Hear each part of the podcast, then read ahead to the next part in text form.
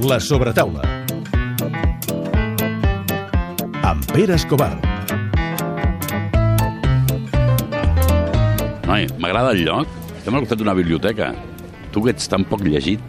Que burro. Estem a la biblioteca, però estem al bar de la biblioteca, que també fa molt per nosaltres. Sí, sí. Som a la biblioteca Fuster, a la plaça de les Ceps.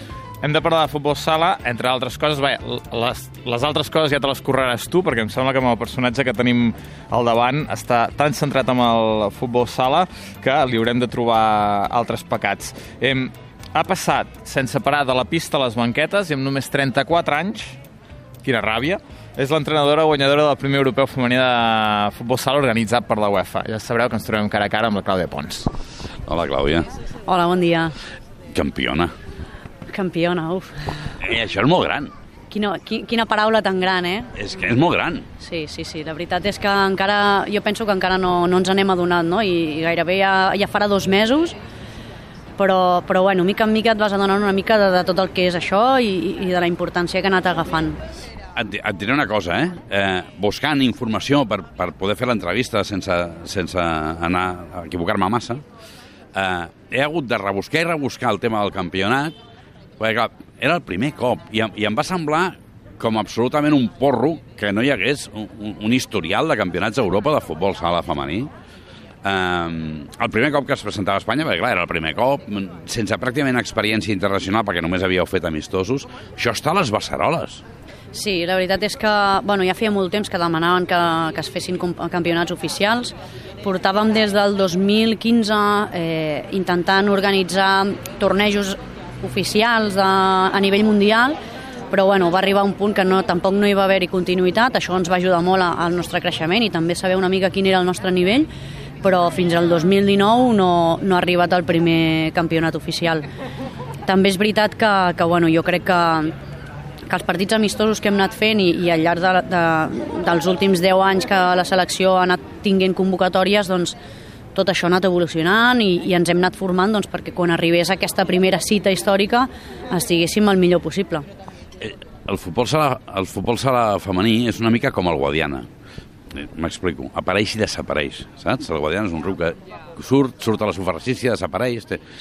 Eh, va tenir, o, o a lo millor jo ho he viscut així, per, per, per incompetència o per incultura, eh? però va tenir un, un rebrot, sobretot aquí a Catalunya, amb el Gironella, on tu també vas estar, eh, ens veu fer disfrutar moltíssim, eh, després va mig desaparèixer, ara ha tornat a sortir com un bolet, eh, jo, segurament perquè ja va tocant que algú ho digui, l'esport femení en aquest país és, és el més brillant que tenim, no? I, I ho esteu fent a cop de medalla, a més a més, o a cop de trofeu. Eh, què té aquest esport que no acaba de, de plantar-se amb els peus a terra? Bueno, primerament és un esport femení i això evidentment doncs, fa que, que no tingui tanta repercussió com, com pot tenir un esport masculí, però després també és el futbol sala, no? estem parlant de, del germà petit del futbol, la repercussió que té és mínima, però jo penso que, que bueno, com has dit, no? a poc a poc ens anem fent un espai, a poc a poc anem treballant, penso que, que cada vegada els equips estan millor formats i tenen més recursos i això també ens ajuda no? a obtenir millors resultats i després doncs, també donar-nos a conèixer. Penso que, que, bueno, que el camí és molt llarg, que encara queda molta feina per fer, però, però bueno, esperem que la consecució de, de l'europeu doncs, també ens ajudi a donar un pas més a que la gent coneixi el futbol sala femení. Recordes aquell Gironella?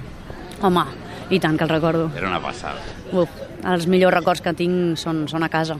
Jo, jo no t'he vist jugar, o, o si més no, no, no et recordo. He vist partits de futbol sala femení, però no et recordo. Però el caràcter amb el que diu la gent de tu, sí. És a dir, eh, aviam, intentaré dir-ho com ho diuen les teves col·legues, eh?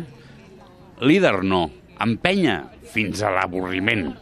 Sí, bueno, és, jo penso que això és la passió, no? Quan t'apassiona una cosa, ho dones tot i, i, a vegades doncs, fins i tot ja arriba un punt que potser t'accedeixes, no? no, no ho dic per excessió. eh? No, no, em, em refereixo que les meves companyes, això, moltes vegades, ostres, que passada que eres, no? Tot el dia igual, però bueno, mm, no sé, és la passió que portes dins i és la manera de, de viure-ho. Abans ho has dit així com de passada, eh, i sense cap intenció, però, però pam, eh, perquè és una realitat. Clar, estem parlant d'un campionat d'Europa, heu guanyat el primer campionat d'Europa de la història, eh, sou el millor equip d'Europa, eh, el millor equip que hi ha hagut a Europa a la història, posats a dir i a buscar titulars, és així, no? eh, i us heu de buscar la vida treballant, perquè d'això no podeu viure. Sí, la majoria de, de jugadores i, i d'entrenadors no, no són professionals de, del futbol sala. Jo tinc la sort aquest any de, de poder ser professional i de viure d'això, però, però sí que és veritat que bueno, gairebé sempre ho has hagut d'anar compaginant amb, amb feines, amb estudis, i, i aquí jo crec que ve una mica també l'èxit no, d'aquesta Eurocopa, que la majoria de jugadores saben l'esforç que s'ha de fer, totes estan implicadíssimes i molt compromeses amb, amb el projecte i això crec que, que suma. Llavors, evidentment, sí que hem d'intentar doncs, buscar recursos que permetin que puguin poder entrenar en millors condicions, però, però la realitat és aquesta, no són professionals encara del món del futbol sala, només hi ha un únic equip a, la Lliga Espanyola que ha aconseguit tenir un conveni amb les jugadores i són tractades com a professionals, amb un contracte, amb la seva seguretat social, però la resta d'equips no, no poden fer. Un exemple és la, la, la portera, la Sílvia. Eh, a la semifinal no va tenir feina, hagués pogut jugar jo de porter, eh, però a la final va fer 12 aturades. Va, va ser un molinillo, vull dir, un espectacle. Aquesta noia va haver de deixar el futbol sala per estudiar farmàcia, eh, perquè aquesta és la realitat que teniu. Això vol dir que, que ens omplim la boca dels trofeus, ens volem fer la foto, que això ens encanta en aquest país fent-se fotos, és un fotomatón, eh, però no hi creiem. Bueno, no sé, no sé si, si seria així realment, però jo penso que, que sí que moltes vegades ens creiem que les coses arriben perquè sí, i les coses arriben per, per treball, per esforç, per dedicació, i en aquest cas, doncs mira, la Sílvia sí que també és veritat que fa uns anys que tot això ha anat millorant i, i ja et dic, les condicions han millorat moltíssim en els últims anys. Ella va haver de fer aquest, va haver de fer aquest esforç, aquest sacrifici, i després el, el futbol sala li, li ha tornat, no? Penso que va ser la clau de la final, ella va estar enorme i això, evidentment, doncs, va fer que l'equip també se sentís molt més segur. La seva, el seu exemple l'utilitzem moltes vegades, no? per, per, sobretot quan anem a escoles o quan intentem promocionar el futbol sala, perquè al final és això, intentar doncs, que, que tot el que eh, puguis fer extra doncs, sigui algo que t'ajudi també a afrontar situacions com les que, les que ens trobem en un partit. Ets tan exigent com diuen les teves companyes? O més. Hòstia, i a casa també? Bueno, jo tinc... Jo sóc molt exigent amb mi mateixa, llavors això fa que sigui molt exigent amb els Això és el altres. pitjor del món. Tenir un, un cap exigent amb, si, amb, amb ell mateix és duríssim, perquè, clar, Sí, llavors, bueno, hi ha moments que sí que, que, que he de dir, bueno, per allà, perquè potser m'estic passant. Jo crec que cada vegada ho estic dominant més, perquè cada vegada doncs, vas tenir més experiència, però, però és complicat, és complicat, sí. i treballar amb, amb, amb gent que ha estat eh, canviant-se canviant del teu costat. Sempre, eh, aquesta és una pregunta que, que tothom em fa i que... Que val per tots els esports, eh? Sí, jo havia compartit vestuari amb, amb cinc de les jugadores que vam estar a l'Eurocopa. Una d'elles la Berta, que a més a més he compartit equip molts anys amb ella, una altra l'Ampi, que també vaig compartir equip quan vaig estar a Córdoba, però jo pensava que seria molt difícil. De fet, la primera vegada que a mi em, que jo tinc tracte amb elles com a cos tècnic és, és precisament el 2015, quan penjo les botes i em, em proposen per, per anar d'ajudant de seleccionador.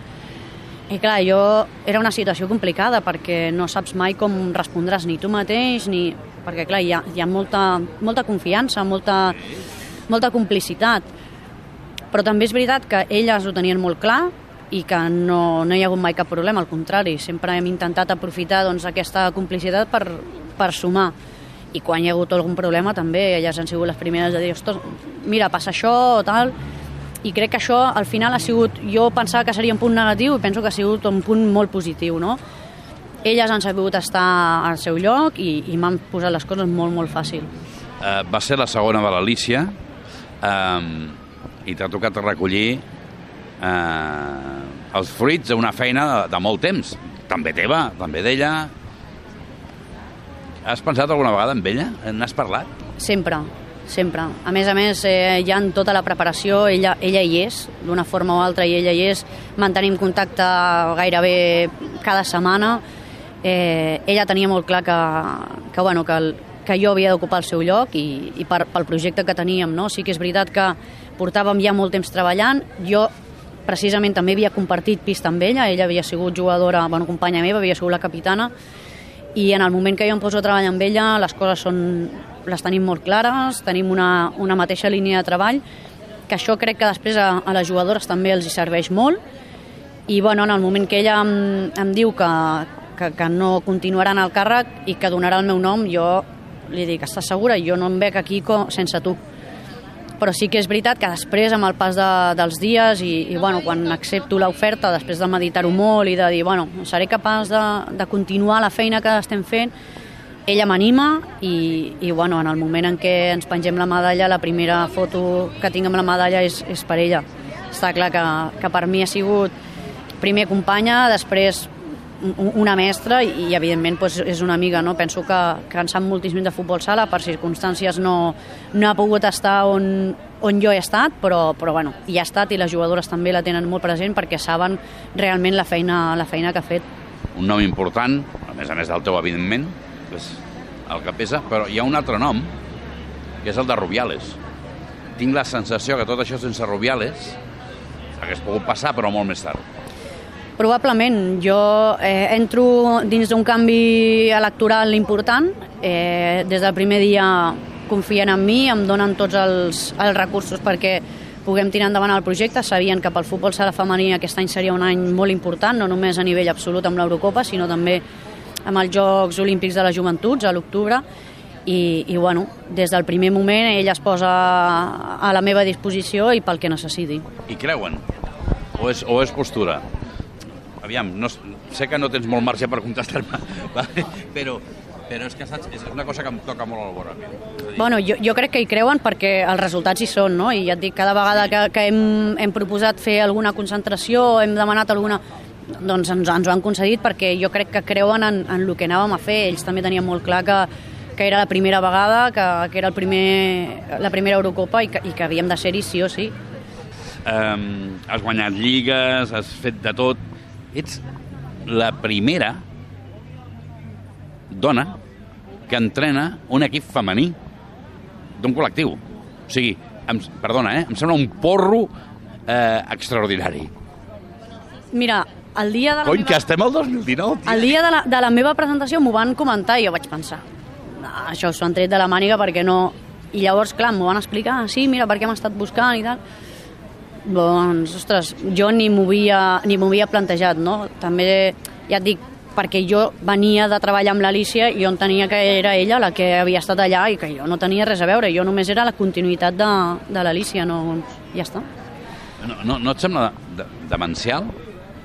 Bueno, és que és, és el que hem parlat, no podem ser professionals, llavors eh, el món de la dona en l'esport té moltes dificultats i evidentment, no només el món de la dona, sinó el món, de la, de, el món general de l'esport femení té moltes dificultats i a més a més si ets dona.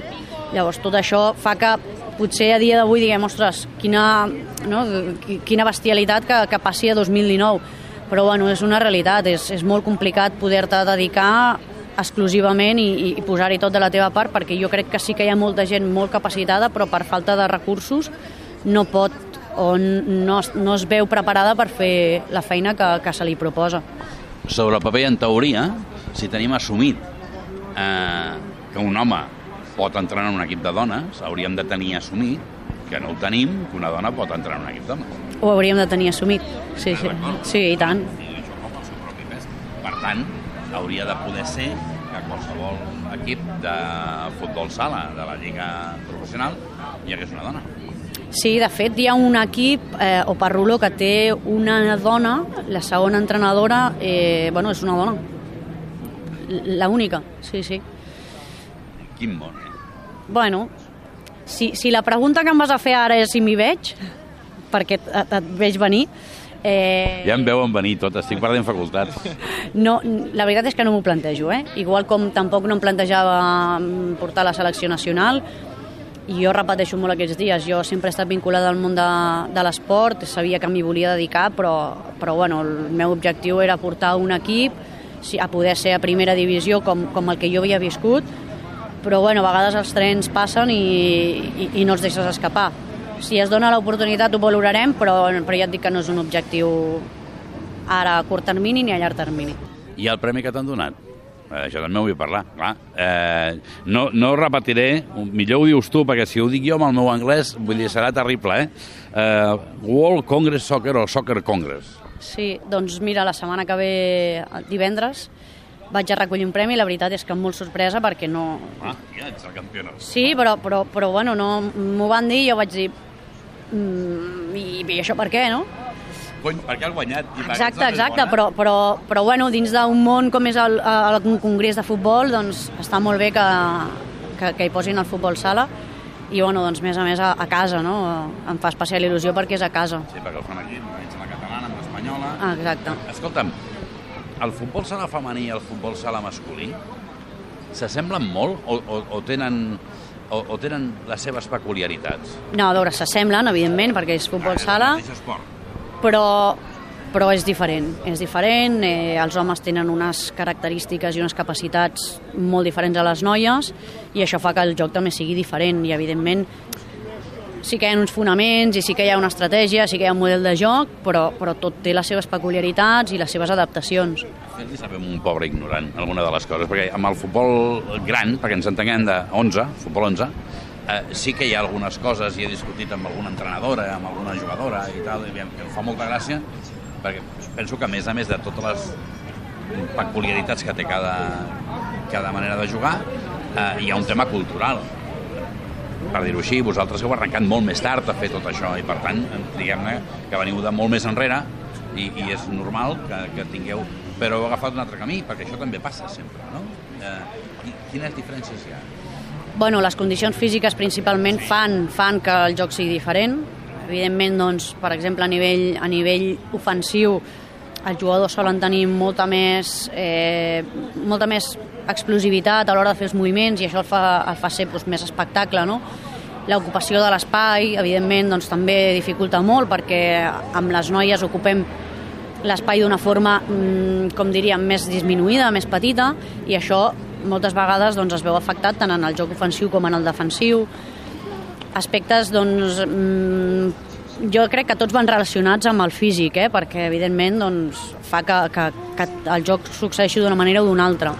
I llavors doncs, també la, la, al final la, la qualitat o la precisió en, en les passades, en la, que evidentment doncs, tot això ve determinat també per un factor, per un factor físic.